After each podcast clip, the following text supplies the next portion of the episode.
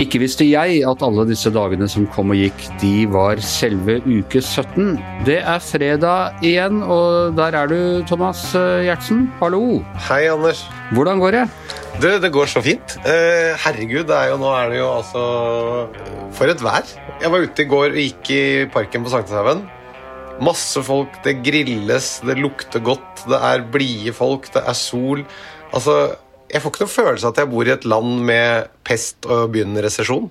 Nei, det er litt som den der memen som, som sånn miljøfolk sender rundt. Altså Bildet av Titanic som synker, vet du, når det står nesten helt på høykant, og så ser du sånn snakkeboble øverst der om at hvis vi synker, hvorfor er vi da så høyt oppe i lufta?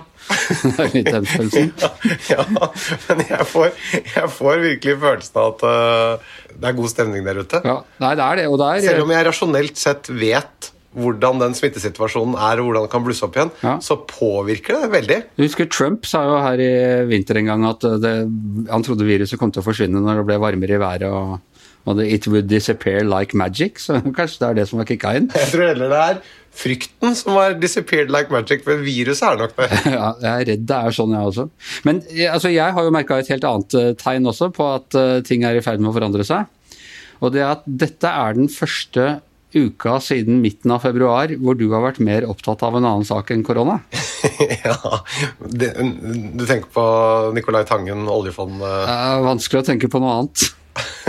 ja, men der er det mange interessante aspekter og dimensjoner å interessere ja. seg for, gitt. Og det var liksom, altså Vi har jo kontakt gjennom uka, og, og, første melding på mandag, da den ikke dreide seg om korona fra deg, da, da skjønte jeg at det var, uh, det var et stemningsskifte. Det er jo sånn, Anders, at da må jeg ringe og spørre, eller tekste og spørre den som er uh, nærmest til å vite noe mer enn meg, og det er jo deg, da, vet du. Ja, ja nei, jeg prøver å svare etter, etter fattig evne, jeg. Det hender at du av og til må komme tilbake til meg. ja, ja, det, ja, vent litt, Thomas, dette må jeg sjekke litt, sier jeg, og så, og så sjekker jeg litt oppover og innover i systemet. Ja, men Hvem er det du sjekker med da? Du, I denne saken her så er det min, eh, min sjef, uh, Hanne Skartveit, uh, som er politisk redaktør i VG, uh, dermed også sjef for kommentaravdelingen, og som attpåtil er utdannet jurist. Er hun det? Ja, Hanne er jurist, så denne saken den har hun uh, god innsikt i og, og, peiling Er det mulig at vi kan snakke med Hanne, ja, da? det er helt sikkert mulig, og kanskje det er like greit at du stiller de spørsmålene, så at jeg slipper å være sånn tolk eh, som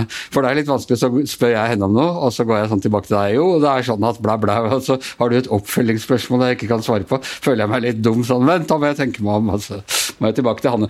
Vi kutter ut det fordyrende mellomleddet, altså meg, og kobler inn Hanne. Nettopp. Det er eh, det er sånn det er i offentlige rom også, at det av og til hadde vært bedre å kutte ut pressen. At eh, folk kunne snakke direkte med hverandre. I dette tilfellet er du pressen, Anders. Ja, og er, eh, jeg er fake news media. og Hanne er Donald Trump. Det tror jeg ikke hun ville sette pris på at jeg sa. og, og, og, du er the basket of deplorables. og jeg skal nå få snakke direkte ja, med kilden. Ja. Eh, men du, vent litt, skal jeg bare se om jeg kan jeg må koble den inn eh, via noe Google-greier, og da må vi bare gi fra oss litt eh, Google-rettigheter. Så skal vi få til et lite øyeblikk, skal jeg se om jeg får til her. Hallo? Hallo. Du, eh, jeg sitter her med, med, Thomas, og du vet alle de spørsmålene jeg har stilt deg i løpet av uka om denne Tangen-saken? Ja, det har vært veldig gode spørsmål, Anders. ja, de spørsmålene de har jeg ikke suget av eget bryst bestandig, for å si det sånn. Eh, så for eh, hva skal jeg si, Thomas er mer enn litt eh, vanlig interessert i denne saken. Da tenkte jeg like godt jeg kunne koble dere sammen, så kutter ja. vi ut det forvanskende mellomleddet, nemlig meg. Hei, Anne. Hei, Thomas. Så hyggelig. Jeg skjønte at du er jurist også. Ja. Men jeg har aldri praktisert det, bare for å si det. Ikke ha for høye forventninger, nå. Nei, men jeg syns det, det, gir en ekstra trygghet for meg som uh, nysgjerrig å få eh, juridisk kompetanse bakt inn i svarene. For det, det, Dere hadde ikke så mye jus på forsøksprøven? Eh, nei, vi hadde ikke, men jeg har, eh, jeg har to vekttall i offentlighetsloven fra Bø i Telemark, så jeg er ikke, jeg er ikke helt blank. Og så kan du vel litt sånn, sånn frikejus som dere har holdt på med i gata? Ikke sant. ikke sant? Hva har du, er du nødt til å åpne døra og vise fram sikringsskapet når de kommer fra E-verket og skal sjekke? Nei, du må ikke det, skjønner du. Nemlig. Men du, Hanne, den, jeg ble bare så, det var så mange ting med den Tangen-saken som um, Anders og jeg snakket om. For, fordi starten her var vel at her, Det var jo at dere eh, avdekket at det hadde vært dette seminaret, og at det var spørsmål om det var en eller annen form for smøring av de som hadde ansatt han. Var ikke det det første eh, store spørsmål om dette hadde påvirket ansettelsen? Det var, vel, det var vel ikke noe sånn moralsk overtone eller noe sånn spørsmål om smøring. Det var rett og slett bare å fortelle om et seminar hvor veldig mange hadde vært med uten selv å ta eh, regninga for det, at han hadde spandert på dem et kjempefett seminar. Ja. Med mye gøy. Har, har det påvirket ansettelsen på noen slags måte? Er ikke det et naturlig spørsmål i forlengelsen av den saken? Jo, mange spurte om det, men, men jeg tenker at den type saker, og det som jeg tok fra den saken første gangen, var jo at det er veldig interessant bare å se hvem kjenner hverandre i eliten, hvem kjenner makta, og hvem kjenner den nye eh, oljefondsjefen. Ja. Ja, så det var i grunn, Og dette faktum at de da ikke hadde betalt for seg. Ja, men, men, eh, men det viser seg at eh, det er ikke noe som tyder på at seminaret hadde noe med den ansettelsen å gjøre. Nei, og det har jeg aldri trodd heller. For det er klart han, han begynte å invitere halvannet år i forveien, har planlagt dette over veldig lang tid, lenge før eh, man visste at stillinga var ledig, og lenge før han sikkert hadde begynt å tenke tanken også. Sånn at, eh, at den seminaret i seg selv skulle bety at han ble utnevnt for oljefondsjef, har i hvert fall aldri jeg trodd noe på. Nei, så, så for hans del så er det, har han egentlig ikke gjort noe galt med å invitere til det seminaret. Nei, han har brukt sine egne penger, lagd et seminar, har si, en annen livsstil enn det vi andre er vant til. Men det er klart at det er ikke noe gærent å invitere eh, venner på god mat og god vin og et eh, gøy seminar. Så at han har brukt sine penger til å lage sitt seminar, og det må være lov. Ja, Og på en eh, tilsynelatende ganske konstruktiv måte i min bok, da. du ville gjerne vært med, du, kanskje? Ja, men jeg synes, herregud, hadde ikke det vært morsomt å høre på, da? Jo, det seminaret, jeg må si, jeg synes også det virker veldig interessant, alle de folkene. Når du samler noen av de brighteste til å sitte i paneler smack, smack, smack gjennom dagen, det er klart det er eh, veldig, veldig gøy. Her må jeg smette inn og spørre, liker du eh, For det har jeg ikke fått spurt deg om, Thomas. Liker du Sting? Jeg liker, eh, jeg liker noen eh, gamle Særlig Police likte jeg jo litt, og så liker jeg liker Fields of Gold veldig godt. Du veit jo hvem jeg ville hatt med, Anders? Eh, hvem du ville, ville hatt med Christy Ja. Berg, du? Ja, ja. vært, eh, ja, ikke sant. Verre og verre. Nei, men fortsett med, fortsett med det dere kan noe om, dere. Det var, jeg tror ikke det var lov å, å, å klage på Ja, det ville vært veldig uhøflig. det hadde vært Veldig uhøflig.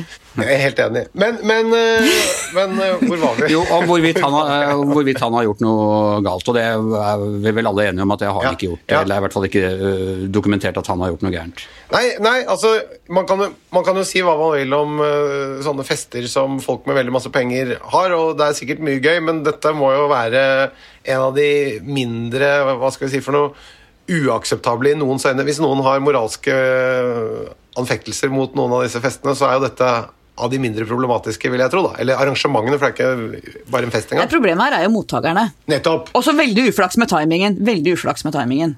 Nå har jo saken da rullet videre, og nå er det da i VG i går eller, i, eller går og i dag, så er det da rullet opp da en masse spørsmål fra eh, representantskapet i Norges Bank. Eh, og med spørsmål knyttet til ansettelsen og han, og om, han om hvordan pengene hans er forvaltet osv. Og, så videre.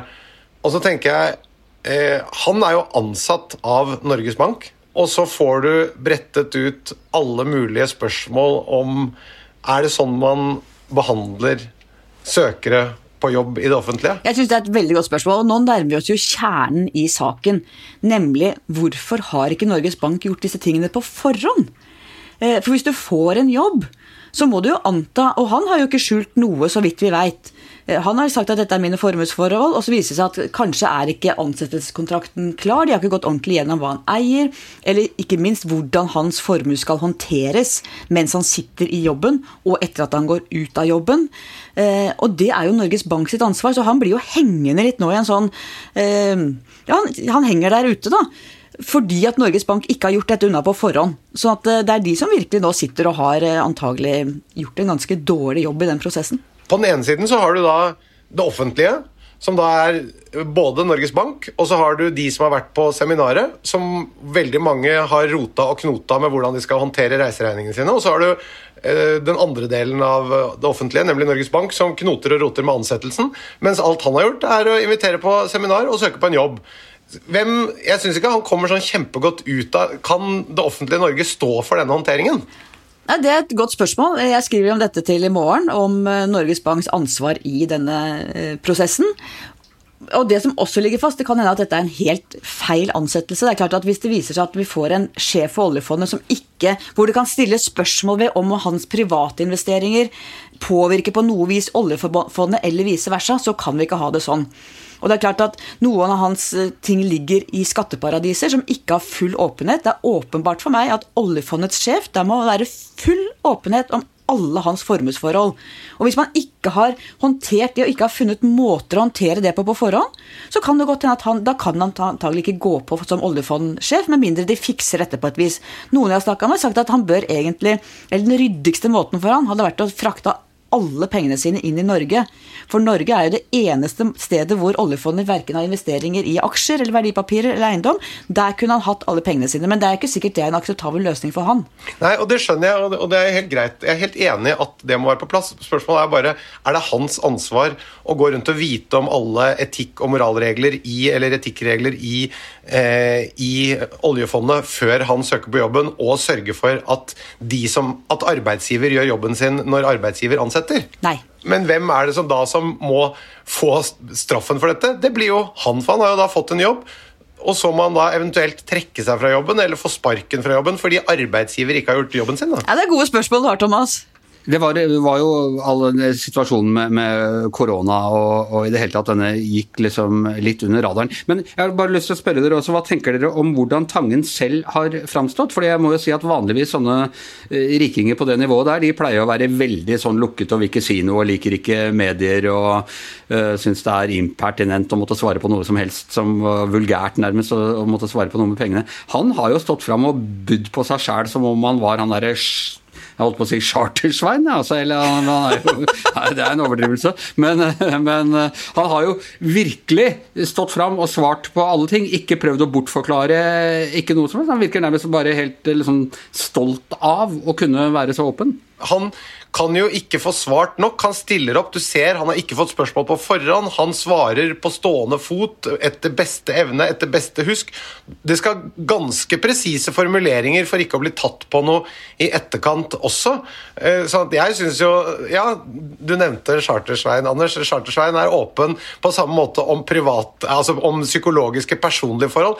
Han har den samme åpenheten som Chartersvein har om personlige og psykologiske ting på finans og på hele virksomheten sin. Jeg syns det er helt forbilledlig. Aldri, aldri sett noen i det offentlige Norge stå så tilgjengelig, så til disposisjon for presse og offentligheten, og så lenge. Alle prøver, men de, de ryker. Etter tre minutter så, så, knekker de. Han står jo der, han. Veldig bra at Chartersveien er, er gullstandarden her. Hva, hva, tenker du om det? ja, men på åpenhet. ja, ja. Hva tenker du om det, Hanne? Nei, Han har framstått bra, som Thomas sier, og han har vært åpen og svart på alle spørsmål. Eh, og han kan eh, absolutt eh, Han er jo åpenbart en veldig smart, kompetent fyr. Og så er spørsmålet om den profilen og de bindingene han har, og den historien, det gjør han riktig til sjef for oljefondet, men at han er en fyr som kan mye og er omgjengelig og er god til å snakke og være åpen. Men, det er, ikke er, er det ikke opplagt at vi bør ha en som har såpass god greie på øh, Altså som virkelig kjenner disse finansmiljøene, som har vært i London, kjenner de forskjellige fondene, istedenfor en sånn grå norsk uh, byråkrat. For, det, for, poenget med jobben må jo være å få disse penga til å yngle, og ikke bare liksom at du er verdens beste slalåmkjører i etikk. Nå er jo oljefondet eh, holdt på å si besatt, det er feil. Det sitter veldig mange veldig flinke eh, investorer i oljefondet. Det er ikke sikkert at det de trenger aller mest på toppen, er den aller aller brighteste investoren. De trenger en som er mye bredere enn det, som både har troverdighet ute i verden, som forstår verden, og som også har tillit og troverdighet i Norge. Det er klart at dette er sparepengene våre. det er Eh, oljefondet som skal sikre generasjoner framover, som er litt sånn bygget på hva skal du si, litt flåsete sagt, litt norsk nøkternhet. Eh, eh, moderasjon.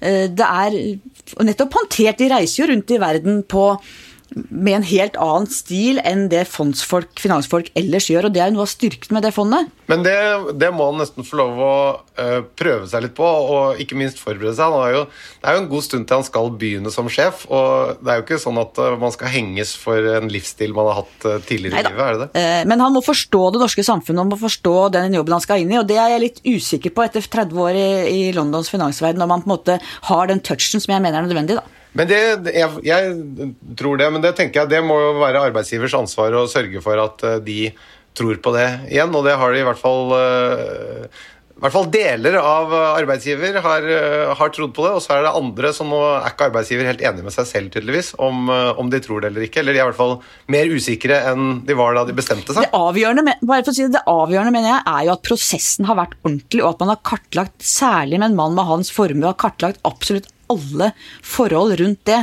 Både i fortid, nåtid og framtid. Og hvis de sånn som nå tyder på ikke har skjedd, så er det et kjempeproblem. Men, hvem skal, men hvem skal da ta ansvar for det nå? Hvordan skal da arbeidsgiver eventuelt kompensere den eh, som da har meldt seg til tjeneste for denne jobben og for oss alle, og som de trodde hadde gode forutsetninger. Og så, hvis han da ikke eh, kan det, hvem skal da hvem skal ta regningen og ansvaret for det? det han må kompenseres med en helt sånn Han får, må kompenseres med en konsert med gjenforeningskonsert med Police, føler jeg, i, uh, i Oslo Spektrum.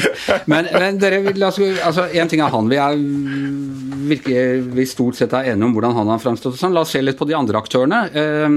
Uh, Yngve Slyngstad, som har hatt jobben i, i er det tolv år. Han var på, hos Fredrik Solvang på, på, NRK i går og la seg også flat. Og har lagt seg flat i noen sånne interne meldinger. Også ganske overbevisende i sin legge seg flathet. Hva syns du, Anne? Ja, åpenbart. Og han var veldig, veldig flau. Og dette er første gang, sier han sjøl, at han har kjørt privatfly og gjort den type ting. og det er jo han sa i denne mailen også noe om at Uflaks at han skulle bli tatt aller første gang, da, når han har jobba i finans i, i, 30 år. Så blir han tatt første gang. Det er akkurat som meg og, og smuggrøyking. Jeg ble tatt første gang av mora mi første gang jeg prøvde en sigarett. Men jeg, han sa jo i denne mailen til sine ansatte også at det er klart at når hun har nådd toppen, det er på veien ned, når du tror du er ferdig, at du liksom faller. Og han beskriver det som et veldig, veldig feilvurdering fra sin egen side, og det tror jeg han på. Han virker flau og veldig lei seg for dette. Men jeg så ham på Debatten på NRK i går, og jeg syns jo han var ekstremt øh, hva skal vi si for noe, stødig. Ja, som du sier, Han er veldig troverdig, men også veldig stødig og presis på hva han har gjort, hva han ikke har gjort, hva han kan svare på, hva han ikke kan svare på. Utrolig god kontroll på rollen sin for øvrig, så jeg tenker at den feilen der har, Mitt inntrykk er at han har gjort en veldig god jobb for oljefondet, og så har han gjort øh, denne feilen, og som han sier, vi gjør noen ganger feil, og får vi bruke de på best mulig måte. Er ikke det greit da? Jeg syns det er greit. Det er lov å tråkke feil, og man må si unnskyld, og, og det har han gjort. Også, men så er det men også... han sa for øvrig bare Unnskyld, Anders, bare en liten parentes til Hanne. Fordi han eh, Du hørte han ble spurt om, eh, om dette med Skal vi ha en som er best på det etiske, eller skal vi også ha en som kan Eh, kan Wall Street. Og han var jo tydelig på at han mente at det var viktig å kunne den kulturen på Wall Street godt. Han trodde det var lettere å lære seg den andre kulturen, og der har jo Tangen ikke engang fått begynne å forberede seg før, eh, før hele offentligheten eh, mistenker at han ikke kommer til å klare det. Nei. Men det, men det, som er saken også tilbake til, er jo de formelle tingene rundt den ansettelsen. Det er jo det som nå kaster en skygge over hele saken. Og hele utnevnelsen av ham. Og det er det vi i fellesskapet, eller det offentlige, forvaltningen av det offentlige, det er det vi som, det er, vi som er ansvarlig for, ikke han. Eh, så er Slyngstad ble også da øh, Han fikk jo en mail fra Tangen som er passa klein, den mailen, mailen, etter at Hei, etter at jeg har spandert fly på deg hjem og, og Sting-konsert. Eh, gidder å svare på noen spørsmål. Så har han altså ikke svart på den. Og han hevdet også i går at han, han har ikke svart på andre, på andre måter eller eh, gjennom andre. Så han har vært liksom ifølge seg selv superryddig i denne sammenhengen. Så han går også alt i alt ganske klar, gjør han ikke det? Jo, det tyder på det. Jeg, ja, men, men, den mailen, bare for å ta det Jeg skjønner som Slyngstad helt presist, så var det liksom at ja, jeg svarte ikke på den fordi alle må få lik informasjon osv. Og, så videre, og det tenker jeg, det var jo et uh, ganske høyt presisjonsnivå og, og virker riktig. Samtidig som jeg tenkte at det at hvis du skal begynne i den jobben eh, som oljefondsjef, eh, så syns jeg det er ganske sånn ydmykt og riktig å prøve å finne ut av litt med han som har hatt jobben før, hva er det som er viktig i denne jobben, osv. Det å prøve å sette seg inn i den, prøve å forstå den. Jeg syns ikke det er sånn helt rart. Jeg ville synes det var mer oppsiktsvekkende hvis dere hadde laget en sak hvor det sto nektet å snakke med Slyngstad om den nye jobben. Han gadd ikke, for han var for arrogant. Ja, Det er vel ikke, er vel ikke noe galt i at han har, uh, at han har uh, spurt Slyngstad om den jobben. Det ville jeg gjort hvis jeg skulle søke jobb i oljefondet. Jeg... Ja, selvfølgelig. Jeg ville jo absolutt prøvd. Er, er, er, dette vanskelig? Er dette noe ikke jeg kan fikse? Jeg må jo finne ut av det. Vi hadde jo, vi hadde jo ledige stillinger i, i kommentaravdelingen i fjor, uh, Hanna. Det var ikke, det var ikke diskvalifiserende at folk ringte deg og spurte om hva man Jo, du aner ikke hvem som ikke fikk den jobben. nei da, nei da. vi, vi, vi, vi, fikk diskvalifisert et par stykker fordi sånn er det, det tar vi avstand, det... tar vi avstand fra. Ok, vi går nedover på listen over eh, folk som har lagt seg flate denne uka. Eh, arbeidsminister Torbjørn Røe Isaksen. Uh, han la seg flat på en måte som imponerte deg, uh, Thomas? Ja, jeg syns det. Og altså, jeg syns det var både veldig Også uforbeholdent, men jeg syns også en litt sånn artig artig grep. Jeg vet ikke hvor bevisst det var, men det var jo en ekstremt lang utgreining. Veldig detaljert. Jeg satt og så den på VGTV, og jeg tenkte nå får noen av dere journalister straffen deres. Nå må sitte og høre på alle de kjedelige detaljene. Litt på samme måte som Røkke gjorde den gangen, da han kalte inn til den pressekonferansen i forbindelse med, mm. med, med, med Brustad. husker du det? Da han parodierte Brustad og sånn? Da også måtte sitte og høre på mm. Jeg er forbanna. Jeg skjønner ikke noe, var det ikke? Ja, men da måtte jeg sitte og høre på sånne nitidige detaljer om masse ting som man da driver og graver i. Nå får du alle sammen, så må du sitte og høre på alt. Det var jo litt artig. Hva tenker du om, uh, om Isaksen, Hanna? Det ble jo veldig rart for han. For han har jo uh, Det viser seg etter at han planla hele resten av USA-turen etter at han har fått invitasjon til dette seminaret. Og det kan godt hende at han da mente at det seminaret var så viktig i hans rolle som næringsminister fordi det var så mange viktige mennesker at han la det opp sånn fordi det var faglig forsvarlig. Det kan hende. Embetsverket mente at det ikke var, var det, hadde sagt at han ikke trengte å dra på det, var det ikke sånn? Jo, og da sier han selv at jo, men det hender ofte at vi politikere vurderer annerledes, og det kan også i og for seg ha noe for seg. Eh, men når han da Han har jo betalt reise og opphold, og så har han eh, fått dekket måltider, som ikke er uvanlig på den type seminarer. Og ført reiseregninger, og han har trukket fra, som du gjør på diett. Ja, du trekker fra middag og lunsj og alle disse tingene. Og så etterpå, for å liksom gjøre bot, så ber han om å få betale at staten, skattebetaleren, skal betale de måltidene allikevel. Det ble en veldig sånn underlig løsning. Eh, på en måte å kjøpe seg fri på Nei, det var bare surr, det der. Men det er det som er litt rart, for jeg skjønner ikke helt det. fordi at Slyngstad sa jo hvordan han hadde vurdert dette først. Og sånn som jeg forsto det, så var det ja, jeg drar dit. Jeg skal holde et foredrag eller en presentasjon på scenen. Det er en jobb jeg gjør. Eh, og da spanderer arrangør eh, mat og opphold, f.eks., og gjerne også reise, ville jeg trodd var eh, riktig. Men for hva er egentlig galt med det, Hanne? Ja, du skal, ikke, du skal kjøre, reise etter offentlige regulativer på rimelig måte. Eh, og du skal ikke ta imot den type goder. Og det jeg vet fra f.eks. store selskaper, hvis du skulle få haik med et privatfly til en eller annen riking, så må du be om å få betale businessklassebillett på den flighten. Du skal ikke ta imot den type gode gratis. Ok, så Det er greit, så da er det, det er flighten, men det er helt greit at du får mat når du er der og gjør en jobb Eh, at arrangøren holder mat og opphold også, er det ikke det? Opphold betaler man vel ofte sjøl. Bare du trekker fra at du har fått dekket mat på dietten din, ja, så du, har du dritt på det tørre. Nettopp. nettopp. Og det syns jeg virker helt fornuftig. Eh, og så, nettopp så kommer dette litt rare, som du sier, Anne. Så skal, plutselig, så skal plutselig skattebetalerne inn og betale for det som egentlig vanligvis er greit at du får dekket, fordi du gjør en ytelse. For det er jo det, Her har jo det offentlige levert en ytelse, nemlig at han har kommet og holdt en presentasjon. Ja, Maten regnes vel ikke som ytelse, det regnes vel som helt nødvendig for å kunne være der. Du må ha mat. Ja, du må ha blodsukkeret i orden for å kunne presentere ja. Norge på en god måte. Dette er rett og slett for at du skal slippe å forlate hele greia og gå ut og kjøpe deg lunsj et annet sted, så serverer de mat, og så trekker du fra dette på dietten. Nettopp, men vi må, vi må bare ha detaljene pirkete på plass her, så alle skjønner hva dette går om det var de som har lagt seg flate og vist åpenhet og sånne ting. Så er vi kommet fram til en som ikke har gjort det, og det er eh, regjeringsadvokaten Fredrik Sejersted. Og hans, øh, Han var med øh, på seminaret. Hans forklaring er at han er så gammel venn av Tangen at dette er helt privat og har ikke noe med hans øh, rolle som regjeringsadvokat å gjøre. og Derfor omfattes ikke han av dette etiske regelverket. Hva, hva tenker du om det, Hanna?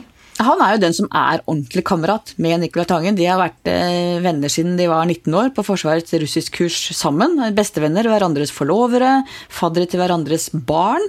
Eh, og så er det sikkert ulike vurderinger om det er klokt eller ikke klokt av Fredrik Sejersted å være med på bestevennens seminar. Men når det først har skjedd, så holder han i hvert fall fast på at det er privat, og prøver ikke å lempe den regninga over på regjeringsadvokatembetet. Hans stick to his story, i hvert fall. Ja, men kan jeg bare spørre der, fordi at øh, Og igjen, bare for å Det handler jo ikke om person, det handler om reglene her. Han er da en venn. Utelukker det at man da kan ha en profesjonell sammenheng? Man skal jo være veldig Altså at man kan, at man kan, at, at man kan ha et arbeidsforhold hos en kamerat, f.eks.? Det er Nei, utelukkende? det er vel alltid lurt å skille vennskap og, og business. sånn at jeg vil jo tenke at du er Hvis du er i, rollene sine Han er jo inhabil i forhold til alt som har med Nicolai Tangen å gjøre, uavhengig av dette seminaret. Nettopp fordi at de er gode venner. Men i programmet så er han presentert som regjeringsadvokat. Og sånn som dette står, eh, sånn som jeg har forstått dette arrangementet, så er det sånn at alle er Her er det samlet ressurspersoner. Og så eh, har man da blitt invitert dit, og det man forventer å levere, er en ytelse, nemlig å opptre på scenen. Og så får man da tilbake en motytelse, nemlig å eh, få opphold og reise og hele arrangementet dekket. Så kommer da regjeringsadvokaten. Han kommer eh, på scenen, er introdusert som regjeringsadvokat, presentert som det programmet. Står ikke noe om at han er venn. Eh, det står bare at han er regjeringsadvokat.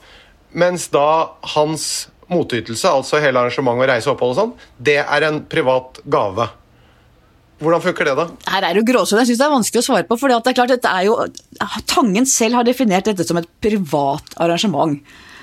Opptrer da Sejersted i en offentlig sammenheng eller i en privat sammenheng i sin stilling? ikke sant? Det er masse gråsoner her på det. Det jeg synes er et interessant spørsmål som jeg ikke har sett noe svar på noe sted, er om, om Sejersted eh, orienterte sine overordnede før han dro, sa at nå er jeg invitert med min bestevenn, sånn og sånn er forholdene, er det greit at jeg drar eller ikke? Hvem er eh, regjeringsadvokatens overordnede? Er Statsministeren og kongen, da? Han er jo regjeringsadvokat, så det er vel en siste instans så er vel det statsministeren, da. Eller kongen? Sa Kongen. han fra til, ko- sa han fra til kongen? Ja, han er utnevnt av kongen i statsråd. Sa han fra til kongen? Det, nå, må kongen nå må kongen til Fredrik Solvang svare på det spørsmålet her, føler jeg. Det gleder jeg meg til. Har kongen gjort jobben sin som konge? Det må stille spørsmålstegn ved nå. Men nå sa jo Slyngstad sa jo i går på NRK på Debatten at det var sånn at man nå hadde et ønske om at den norske stat skulle opptre samlet. Uh, og når da uh, regjeringen, altså næringsministeren, daværende, Torbjørn Røe Isaksen, hadde lagt seg på en linje at dette var offentlig. Han sa også at jeg kan ikke komme, uansett om jeg kjenner folk eller ikke, så kan ikke jeg opptre som noe annet enn næringsminister når jeg er næringsminister. Men det kan altså da regjeringsadvokaten, helt unntaksvis. Det er jo det som er hele saken, at det er en suppe hvor noen er der privat, noen er der offentlig. Det er et privat arrangement hvor noen er i kraft av rollen fordi de er statsråd eller oljefondsjef. Andre er der i seg regjeringsadvokat, men er der privat fordi de er bestevenn. Det er jo en suppe, dette her. Og forskjellen på, forskjellen på Seierstad og Røe Isaksen er jo at Røe Isaksen definerer at han er der som statsråd. Mens Sejersted definerer at han er der som venn i en privat sammenheng. Kan regjeringsadvokaten opptre i barnebursdager som regjeringsadvokat i privat regi? Har han en liten sånn sideshow han Jeg tror i hvert fall ikke det blir tilsvarende oppslag om det, Anders. Annet enn litt mer på kuriosa-siden. Jo, hvis det var i barneselskapet hos Tangen, så kunne det blitt uh... For de som kommer på arrangementet, og eh, jeg antar det er forretningsforbindelser av Tangen, så oppfatter de at han er der som eh, regjeringsadvokat for Norge. Absolutt. Mens Absolutt. ytelsen er da mottatt eh, insistert på å mottas som en privat gave. Det er, my det er mye som er eh, gråsoner og eller som er uryddig og vanskelig å forstå her. Og alt dette igjen, alt dette rotet, bare for å ta det, det ligger da på offentlighetens side, mens du har da Tangen på den andre siden. Så eh, han har prøvd å svare åpent, han har prøvd å melde seg til tjeneste. Eh, og så har du offentligheten, som har eh, rotet, ikke vært fullt åpne, kommet med nye forklaringer, har ansatt eh, Hvordan syns vi at vi er som arbeidsgiver? Hva syns du, Thomas? Nei, jeg syns ikke det funker helt. Og I tillegg da så har jo arbeidstakerorganisasjonen LO har jo vært veldig frampå og skulle pælme den ansatte før han i det hele tatt har begynt. Det er litt rot. Men det er, ikke, det er fordi han ikke er fagorganisert. Nemlig. Og da hadde du vært medlem av mafiaen, så er det Da beskytter vi deg, men hvis du ikke er medlem, så spiller det ingen rolle om du er ansatt og arbeidstaker. Da, da er du ikke under vår Ja, Er det sånn? Hedgefondforvalterforbundet må på banen her, det det er helt Men nå har jo Tangen en veldig god forsvarer i deg, da, Thomas. Nei, altså, jeg bare prøver å forstå hva som er situasjonen der, så jeg kan danne meg et bilde. Jeg, Du, det, det er, jeg, tror- jeg, før vi runder av, det er et par til eh, i, i, som er med på dette eh, showet. eh, Og det, en av dem er Henrik Syse. eh, Norges fremste ekspert på etikk i krig og fred, holdt jeg på å si. Han har drevet med, med krigens eh, etikk og sånne ting. Og han lanserte seg selv på Dagsnytt 18 som en mann som så etiske problemstillinger der andre så ingenting. Han var også med på dette seminaret og åpenbart eh, gitt litt råd om hvem som har sitt på det tørre. Hvordan syns vi han har opptrådt? Nei, altså, det tenker jeg at eh, ettersom vi nå har Han og det må vi være enige om. Vi har avdekket at det er ikke helt ukomplisert og enkelt. Sånn at eh, det å ha vært deltaker da, det er ikke optimalt for en etikkprofessor, eller hva? Nei, det er ikke optimalt. Og særlig ikke når han opptrer i Dagsnytt 18 og forsvarer Tangen veldig uten å opplyse om at han faktisk har stått på lønningslista hans i mange år. Men altså, det kan jo hende at han har omvendt at han har en slags omvendt eh, eh, logikk her. At eh, jeg ser etiske problemer der andre ser ingenting, mens der andre ser etiske problemer, så Ja, ser jeg jeg det, ingenting. er godt, det er en god måte å se det på. Du kan jo spille det inn til Syse, så kan han bruke det neste gang. Han er på den andre siden av speilet, ikke sant? så han, han ser, ser ting helt speilvendt. uh, og så helt til slutt så er det jo altså sentralbanksjefen, og den som virker aller mest stressa. Eh, Det er jo Øystein Olsen, som da er og nå har Ble grilla. Hvor lenge satt han i det der møtet med representantskapet denne uka? Nær fem Hanna? timer. Vi trodde det skulle ta en time eller to, og det ble nær fem Ja, timer. og i går kom jo den der smørbrødlista. Og eh, en ting er at det kan være ubehagelig for Tangen å få alt det der, men det må jo være utrolig ubehagelig for eh, sentralbanksjefen å bli spurt sånn som en skolegutt og sånn Har du gjort hjemmeleksene dine? og, og uh, På den måten er ikke, er ikke det bortimot uh, mistillit, da, Hanne? Jeg må si Da jeg så den lista i går, så søkte det i meg. Jeg tenkte, altså Da fikk for meg fikk saken enda et hakk i en enda mer alvorlig retning. For Hvis det viser seg at man ikke har sjekket alle disse tingene på forhånd rundt økonomien, ikke laget en skikkelig ansettelseskontrakt hvor man legger føringer for hvordan formuen skal håndteres, osv., osv., les de 26 spørsmålene. ehm, så er det da har ikke han og hovedstyret og ansettelseskomiteen gjort jobben sin i det hele tatt, og det vil være veldig alvorlig hvis det er tilfellet. Men det, det er jeg helt enig i. Jeg fikk også skikkelig vondt av det. Jeg fikk også vondt av hans veldig sånn nervøse opptreden. Fordi jeg har følelsen av at det også er en person som opp til nå har gjort en altså, god jobb for eh, Norges Bank og som en flink og kompetent fyr. Å se han stå og stotre, det syns jeg var vondt å se på. Og han er en ærlig og oppriktig sånn en skikkelig type. En skikkelig fyr som eh, gjør en god jobb, og som er Jeg er helt enig, og den følelsen ja, ordentlig menneske. Den satt jeg med, så jeg satt jo bare og hadde vondt av å se på han og håpe Jeg ville liksom at han skulle klare det. Men, men jeg må spørre deg, eh, Hanne, fordi nå når da dette representantskapet kom på banen, skulle de, bare for å ytterligere problematisere, skulle de vært på banen før? Har de godkjent noe som ikke de har Burde de stilt disse spørsmålene tidligere, eller er det noe de ikke skulle behøve? Altså, De har jo ikke noe vedtaksmyndighet. De er en tilsyns, Stortingets tilsynsorgan er de for eh, Norges Bank. Eh, og det kan godt hende de skulle vært før på banen, men de kom jo på banen så snart de skjønte at det var et eller annet som ikke stemte. Da kalte jo Julie Bråttkorp, som er veldig på her, inn eh, den saksforberedende komité, som det heter, for å, å forberede en sak til representantskapet, som da ble kalt inn ekstraordinært representantskapsmøte dagen eh, etter. Så jeg syns i hvert fall at de har agert veldig riktig og veldig tydelig når de først har agert. Det skjønner jeg, men det er en ganske sånn Og jeg er helt enig, de har ikke noe valg. De må være veldig pågående, de må være veldig presise, og det må være bredt omfang på det de spør om nå. Det er jeg helt enig i, men, men samtidig så er det kanskje også litt sånn Kan det slå tilbake på dem at har dere ikke verifisert dette på forhånd? Hvorfor kommer alle disse spørsmålene? Burde ikke dette vært kvittert ut i forbindelse med når man sier sånn Nå har vi funnet en person, ok, da legger vi til grunn at det er i orden, og så kunne tatt en mer overordnet oppsummering. Men eh, hvis de ikke har gjort det, så har jo heller ikke de gjort jobben sin, da. Jo, men de er jo ikke noe, jo ikke noen godkjenningsorgan i etterkant. De har sine faste møter hvor de skal gå gjennom rapporter, og de legger til grunn at alt er i orden. De går jo aldri inn og på eget initiativ og overprøve, med mindre det er noe helt spesielt. sånn at det, jeg vet ikke om de hadde noe grunnlag for å tro at det var noe annet. Og så må vi huske på en ting til, for vi burde også kanskje ha stilt spørsmål tidligere i pressen, men dette kom jo midt under koronakrisa. Hvor jeg tror alle andres hoder, sikkert ditt og Thomas, mer enn noen, var opptatt av korona, korona, korona.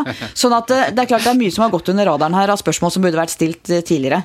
Det er helt riktig, men nå skal vi huske på at det er ikke lov å skylde på korona for alt. Altså, Elkjøp har nå tatt de, de, På Elkjøp får du ikke byttet varer pga. koronaen, så alle bruker den koronaen helt uh, sånn som de etter beste evne. Ja.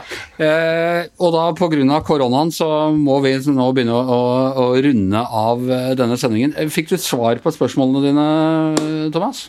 Delvis. Jeg sender en mail i etterkant, eh, Hanne. Med, hvis jeg ligger i kveld og ikke får sove, og det er litt sånn oppfølgingsspørsmål og sånn, så Men jeg regner med at dere nå At du og dere nå følger opp uh, godt videre på de spørsmålene. fordi Hanne, du sa jo flere ganger her det er gode spørsmål.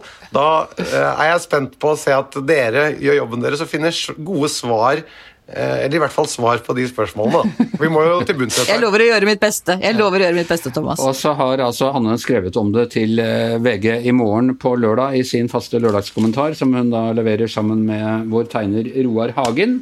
Jeg må bare si at jeg håper at vi kan lande denne prosessen på en måte som gjør at noen i det hele tatt gidder å søke på en sånn jobb igjen. Ja. For det har foreløpig vist seg ikke være særlig attraktivt. Nei, men kanskje du kunne tenkt deg å vurdere den hvis uh, fedrelandet krever det, Thomas? Du har jo perspektiver på dette. altså... Det, det, det, ville si ganske mye om vårt system hvis vi nå skulle ende med en klovn til å styre oljefondet pga. at det offentlige har rota så kraftig at ingen andre gidder. Ja. Eh, men eh, Eh, i denne verden og dette landet er, eh, er alt mulig. Eh, Giæver og gjengen, bestående av Thomas Giertsen og Hanne Skartvedt, er over for i dag. I morgen kommer det podkast med Roar Hagen, og på søndag så skal Hanne og jeg prates igjen, og antagelig med Tone Sofia Aglen, om å oppsummere den politiske uka. Men altså, over for nå. Edderkoppen i VGs podkastnettverk som snører det hele sammen, heter Magne Antonsen. Vi høres igjen.